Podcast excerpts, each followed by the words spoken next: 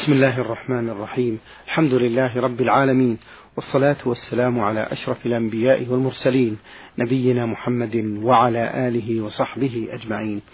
أيها الإخوة المستمعون الكرام السلام عليكم ورحمة الله وبركاته. حياكم الله. إلى لقاء طيب مبارك من برنامج نور على الدرب. ضيف اللقاء هو سماحة الشيخ عبد العزيز بن عبد الله بن باز المفتي العام للمملكة العربية السعودية ورئيس هيئة كبار العلماء. مع مطلع هذا اللقاء نرحب بسماحة الشيخ عبد العزيز أجمل ترحيب فأهلا ومرحبا سماحة الشيخ. حياكم الله وبارك فيكم. على بركة الله نبدأ هذا اللقاء ونسأل سماحة الشيخ عبد العزيز عن إفراد صوم يوم السبت ما حكمه؟ جزاكم الله خيرا. بسم الله الرحمن الرحيم. الحمد لله وصلى الله وسلم على رسول الله وعلى آله وأصحابه ومن اهتدى بهداه. أما بعد فقد ورد في ذلك حديث عن النبي صلى الله عليه وسلم أنه نهى عن صوم يوم السبت إلا فيما افترض علينا. وظن بعض إخواننا صحته. والصواب أنه حديث ضعيف ليس بصحيح. بل هو مضطرب كما أوضح ذلك الحافظ بن حجر رحمه الله في البلوغ. وأنكره الإمام مالك وجماعة. والصواب أنه ضعيف مضطرب شاذ مخالف للأحاديث الصحيحة. فلا يعول عليه ولا بأس بصوم يوم السبت منفردا أو مع الجمعة. ويدل على عدم صحته ما ثبت في الصحيحين. عن النبي صلى الله عليه وسلم قال لا تصوموا يوم الجمعة إلا أن تصوموا يوما قبله أو يوما بعده. واليوم الذي بعده هو يوم السبت. وثبت عنه صلى الله عليه وسلم أنه كان يصوم يوم السبت والأحد ويقول إنهما يوم عيد المشركين فأحب أن أخالفهم.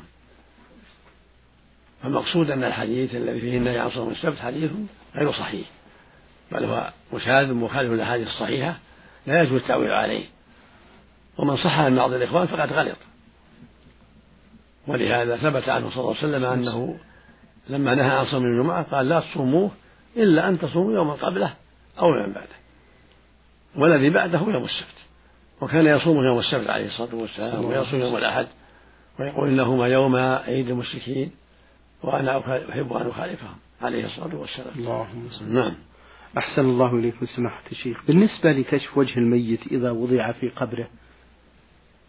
المشروع أي أن يغطى وجهه وجانب بدنه. الميت إذا وضع في القبر لا يكشف منه شيء. بل يكون كهفا شاملا له كله من رأسه إلى رجليه. هذا هو السنة هذا هو الذي فعله النبي صلى الله عليه وسلم وأرشد إليه. فلا يكشف وجهه وما يظن بعض العامة أنه يكشف وجهه غلط.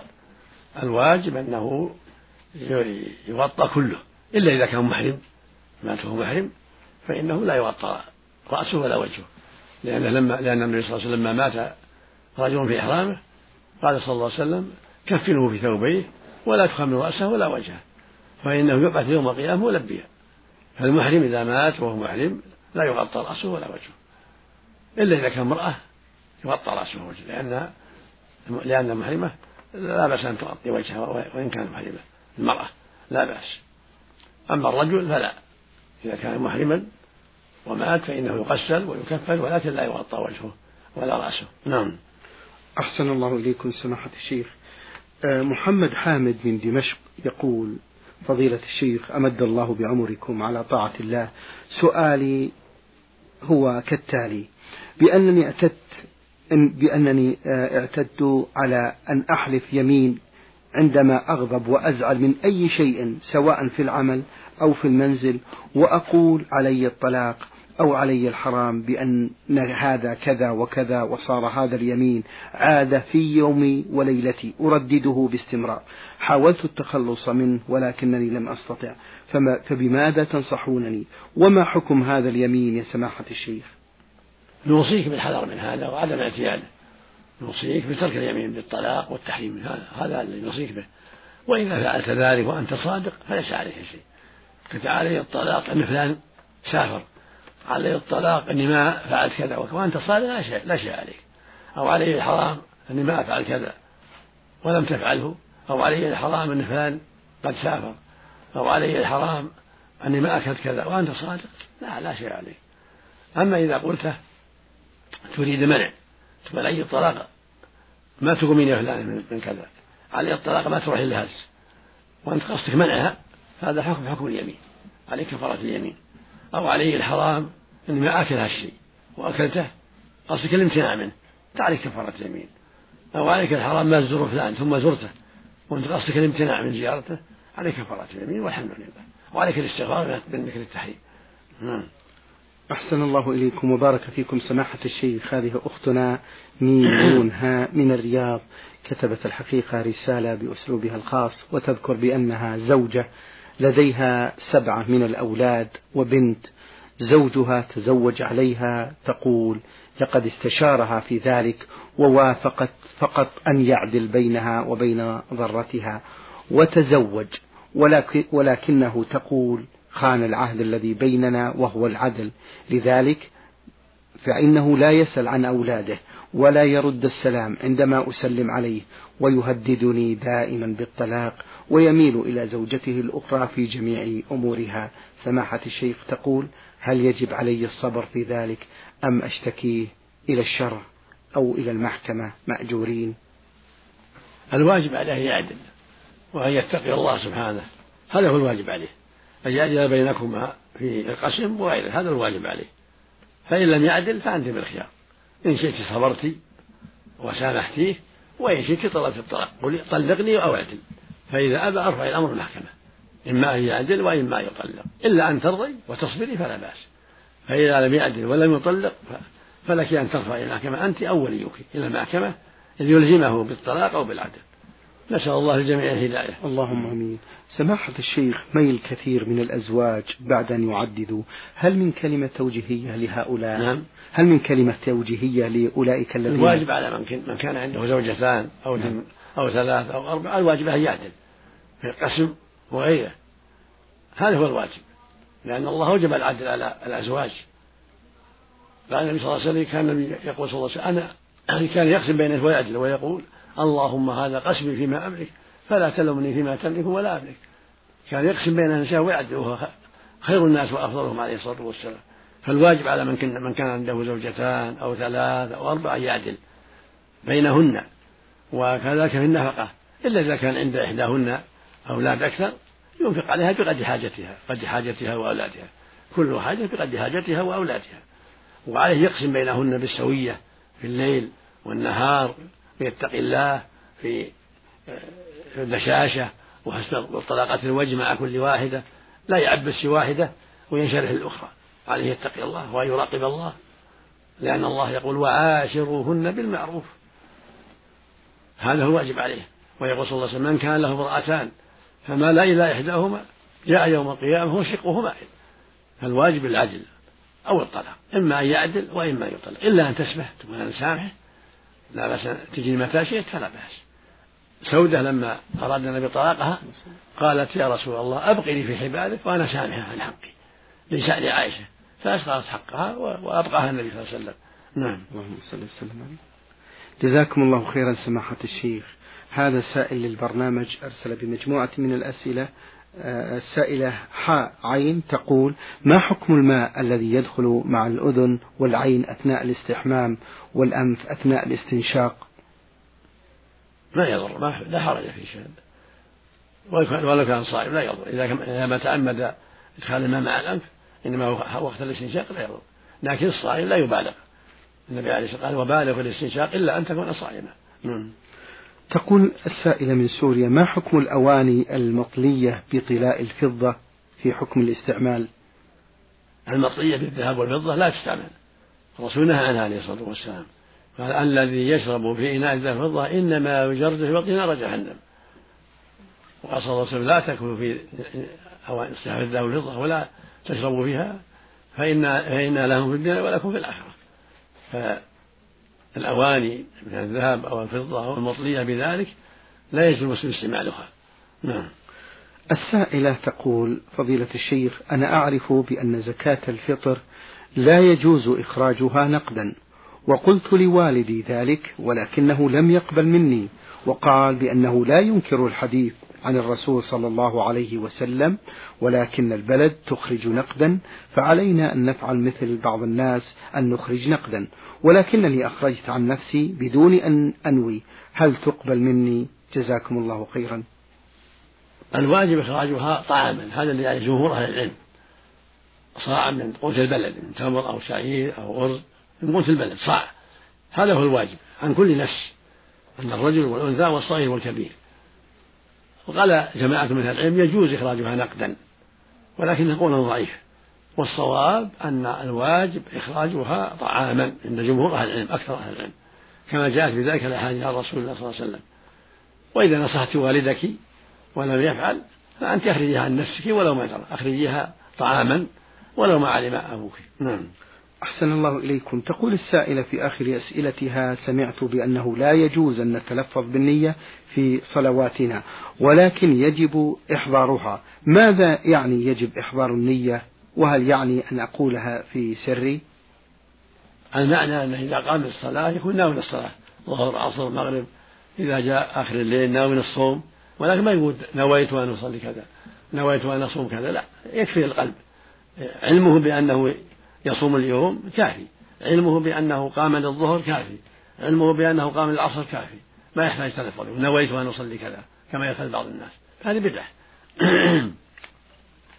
أحسن الله إليكم السائل صبري جعفر مقيم بأبها يقول هل يجوز بناء المقابر فوق سطح الأرض إذا كانت الأرض التي بها المقابر طينية أو زراعية؟ علما بأنه لو تم حفر حوالي نصف المتر أو ربع المتر سوف يظهر الماء وليس هناك سوى المكان في هذه البلدة. إذا كانت هكذا يجعل خشب أو ألواح تحفر يجعل خشب أو ألواح يحول بين الماء وبين الميت ويدفن في الأرض. ولا يبنى عليه لأن الرسول نهى يبنى على القبور لكن يحفر القدر الذي لا يصل إلى الماء يحفر ثم يجعل لوح تحته أو أخشاب أو شبه ذلك تمنع الماء ثم يدفن الميت ويهال عليه التراب يوضع عليه اللبن وعليه التراب ولا يبنى عليه بناية. نعم. أحسن الله إليكم سماحة الشيخ. السائل يقول هل يجوز للمرأة أن تشترط على الزوج أثناء العقد بأن لا يتزوج بالثانية؟ لا حرج على حرجا لقوله صلى الله عليه وسلم إن أحق الشر أن يوفى به ما استحللتم به الفروج والمسلمون على شروطه فإذا زوجها على لا يتزوج عليها فلها شرطها. فإذا تزوج عليها فهي بالخيار.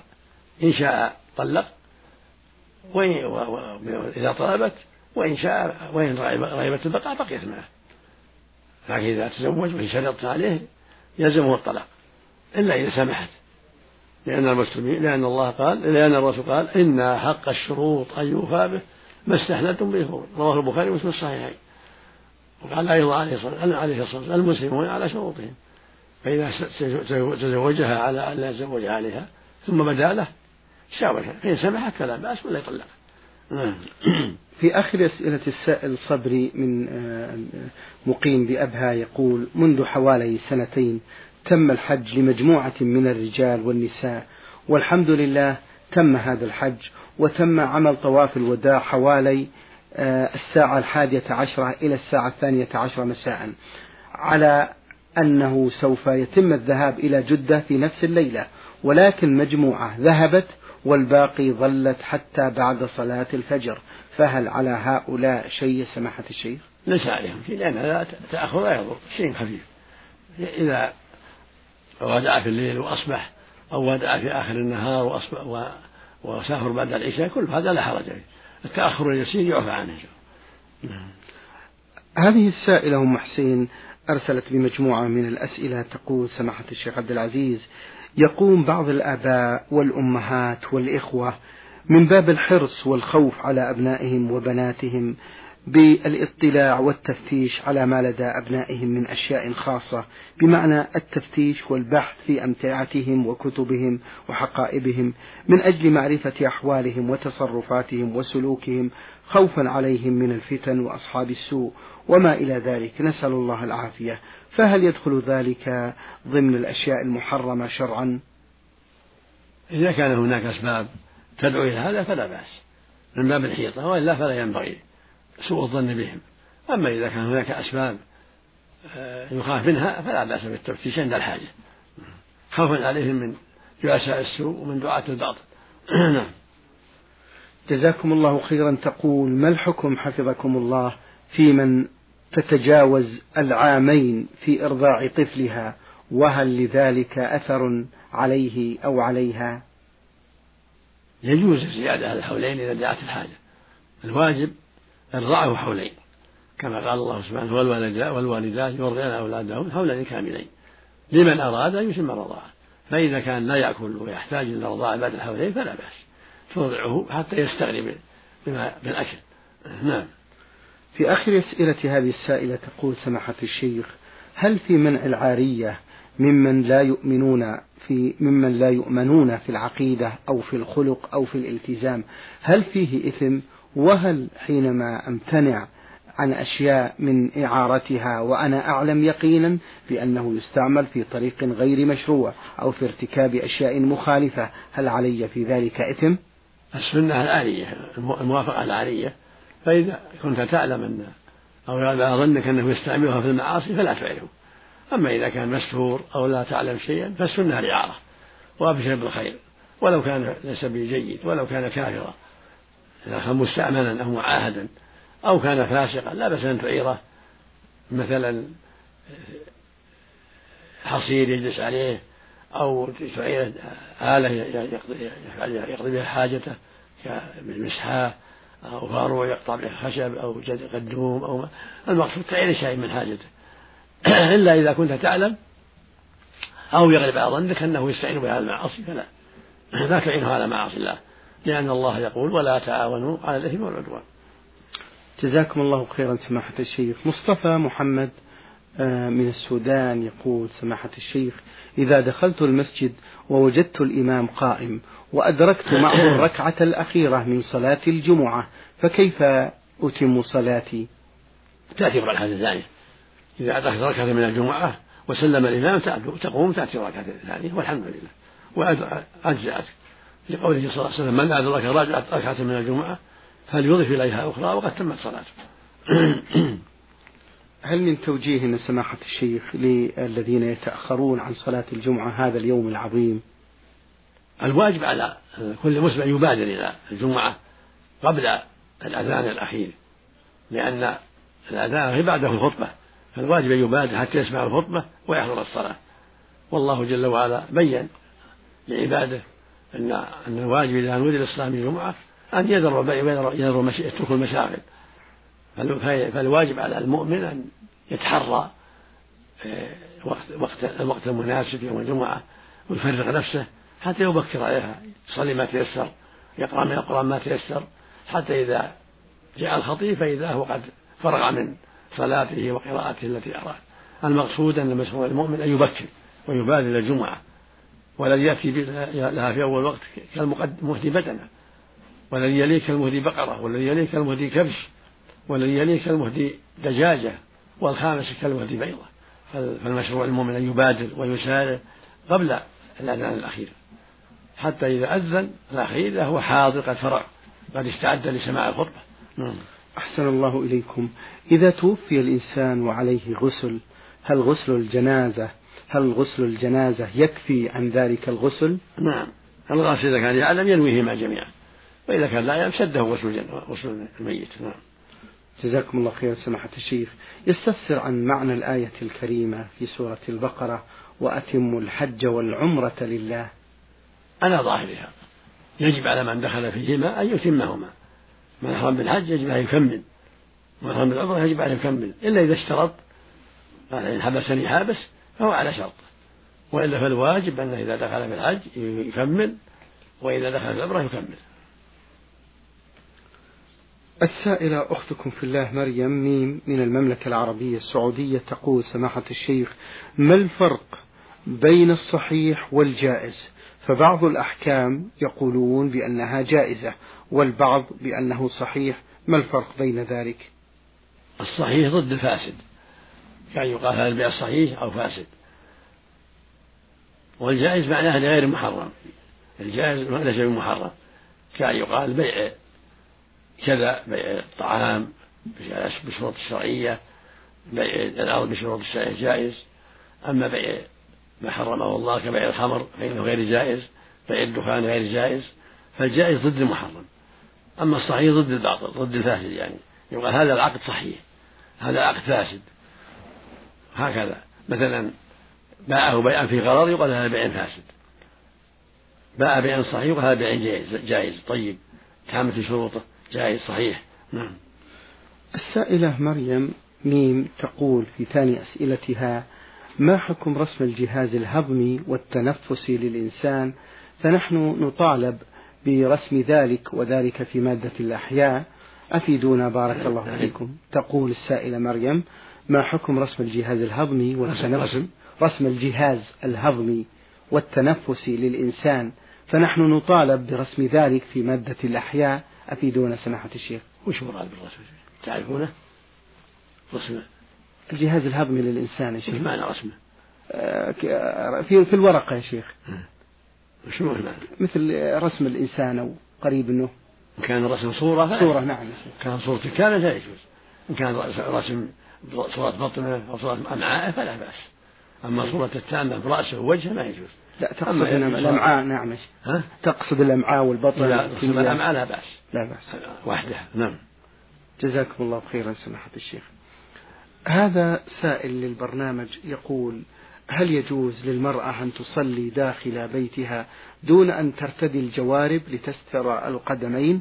وهل إذا نسيت ذلك هل تبطل الصلاة؟ الواجب عليها ستر قدميها بالجوارب أو بالثياب الطويلة. فإذا صلت وثيابها طويلة تكفي إذا كانت تغطي قدميها. ما لازم جوارب وإذا كانت قصيرة تلبس الجوارب نعم. السائل عدنان ميم عين من الأردن يقول بأنه متزوج منذ عامين وعرف من بعض الأصدقاء بأنه إذا عقد الزواج وهو لا يؤدي فريضة الصلاة فريضة الصلاة فالعقد باطل. مع العلم بأنني عقدت العقد ولم أكن أصلي ولا أركع ركعة وأنا الآن التزمت بالصلوات الخمس التزاما تاما. هل يجب علي أن أعيد مرة ثانية؟ وكيف يكون ذلك بعد طلاقي من زوجتي وعقد جديد؟ فأفيدونا يا سماحة الشيخ. إذا كنت لا تصلي وهي تصلي فالعقد غير صحيح. على الصحيح. لقوله صلى الله عليه وسلم بين الرجل وبين الكفر والشرك ترك الصلاة. فإذا كنت لا تصلي والمرأة طيبة تصلي فالعقد غير صحيح يجدد. بعد توبتك يجدد. أما إذا كانت مثلك لا تصلي فالعكس صحيح. كنكاح الكافر للكافرة. أما إذا كانت تصلي وأنت لا تصلي فالعقد غير صحيح ويجدد على الصحيح. بعد ما توبت بعد توبتك. نعم. جزاكم الله خيرا. يقول السائل من الأردن عدنان زوجتي تصوم بعد شهر رمضان ستة أيام من شهر شوال زيادة في الأجر والثواب. وبعد, وبعد ذلك تقضي ما أفطرته في رمضان لعذر شرعي في باقي أشهر السنة. هل يجوز ذلك أم يجب أن تقضي أولا؟ الواجب أن تقضي أولا ثم تصوم الست. لأن الرسول عليه الصلاة قال من صام رمضان ثم أتبعه ستة من شوال. الست تكون تابعة لرمضان. فالواجب بداء بالقضاء ثم تصوم الست بإذنك إذا أذنت لها. نعم. جزاكم الله خيرا سماحة الشيخ. هذا أخوكم أبو معاذ يقول في هذا السؤال بأنه يعمل في مزرعة ومتزوج ولا يوجد معه أولاد ويبعد عن المسجد مسافة من اثنين إلى ثلاثة كيلومتر.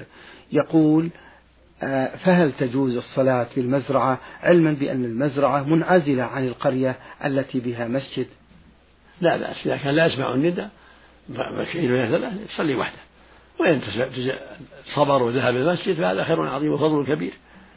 وإن صلى وحده فلا بأس. لأن الرسول قال من سمع النداء فإذا كان يسمع النداء لو هدأت الأصوات يسمع النداء بغير مكبر يسمعه يلزمه. أما إذا كان في محل بعيد لا يسمع النداء فإنه لا يلزمه. لكن يصلي وحده. وإن تجشم المشقة وصبر وذهب المسجد هذا خير عظيم وفضل كبير. جزاكم الله خيرا يا سماحة الشيخ. يقول السائل من الأردن أبو معاذ هل يجوز أن تكشف المرأة آه، عن خمارها لأخ الزوج؟ لا يجوز المرأة أن تكشف لأخي الزوج ولا عم الزوج. ليس محارمة ليس محرما لها. لكن تكشف لأبيه وجده وولده لا بأس محارم. أما أخو الزوج وعم الزوج وخال الزوج فليسوا محارم. وليس لها أن تخلو بواحد منهم ولا أن تكشف لأحد منهم. أما أبوه وجده وأولاده فلا بأس. جزاكم الله خيرا. يقول في أسئلته في سؤال من أسئلته هل يجوز قطع نصف آذان الماعز علما بأنهم يفعلون ذلك وذلك للجمال ولزيادة ثمنها؟ لا يجوز الرسول نهى عن هذا لا يجوز ذلك. نعم. بالنسبة لكي مكان قرن الماعز وهو صغير لكي لا يطلع نهائيا وذلك أيضا للجمال ولزيادة الثمن. لا أعلم في هذا بأس ولا أعلم في هذا بأس نعم. جزاكم الله خيرا من سماحة الشيخ. هذه سائلة أرسلت آه هذه الرسالة هم ياسر من تبوك تقول سماحة الشيخ إنني من فضل الله إنسانة متدينة وملتزمة والحمد لله. ويوجد عندنا عادة مصافحة الرجال للنساء مثل الحمى وابن العم والجماعة وأنا لا أرغب في هذا الشيء ولكن هم الذين يمدون أيديهم لمصافحتي وأنا لا أستطيع أن أردهم على ذلك فأخبرهم بأن ذلك لا يجوز. ماذا تنصحونني جزاكم الله خيرا. لا يجوز للمرأة أن تصافح الرجال من غير محارمها. الرسول صلى الله عليه وسلم قال إني لا أصافح النساء. وقالت عائشة رضي الله عنها ما مست يد رسول الله يد امرأة قط. ما كان يبايعهن إلا بالكلام. فليس لها أن تصافح أخ زوجها ولا عم زوجها ولا غيرهما من الأجانب. أما مصافحة أبيها وأخيها وزوجها وأبي زوجها محارمها فلا بأس. ولا تستحي فيها. تقول ما يجوز. إذا مدوا إليهم تقول ما سامحوني ما يجوز. تكون جسيطة تعلمه الشرع. قوية. هكذا المؤمن. نعم. الآية الكريمة سماحة الشيخ في سورة في سورة النور والقواعد من النساء اللاتي لا يرجون نكاحا فليس عليهن جناح أن يضعن ثيابهن غير متبرجات بزينة وأن يستعففن خير لهن. هل يفهم من هذه الآية الكريمة أن المرأة اليائسة من النكاح يجوز لها أن تكشف وجهها؟ إذا كانت من القواعد العجائز لما يرغب فيهن. إذا كانت من القواعد اللاتي لا يرغب فيهن لكبر سنها. ولم تبرج بزينة ولم تلبس بجمل. فلها أن تكشف وجهها. وأن تستعتف خير لها. وأن تستتر خير لها وأفضل. ولكن إذا كانت عجوزا لا يرغب فيها ولم تبرج بزينة فلها أن تكشف. والستر خير كما قال تعالى وأن يستمر خير لهن. نعم. إذا احتاج الشخص لوضع جبيرة ثم أصابته جنابة فكيف يغتسل؟ هل يمسح على الجبيرة ويتيمم ويغسل باقي الأعضاء في جسمه أم ماذا يفعل؟ إذا وضع الجبيرة لحاجة يمر عليها الماء والحمد لله مثل بقية الأعضاء.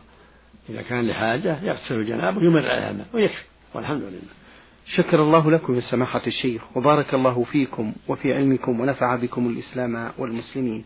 أيها الإخوة والأخوات أجاب عن أسئلتكم سماحة الشيخ عبد العزيز بن عبد الله بن باز المفتي العام للمملكة العربية السعودية ورئيس هيئة كبار العلماء. شكر الله لسماحة الشيخ على ما بين لنا في هذا اللقاء الطيب المبارك وشكرا لحضراتكم لحسن المتابعة. في الختام تقبلوا تحيات زميلي مهندس الصوت فهد بن محمد العثمان والسلام عليكم ورحمة الله وبركاته.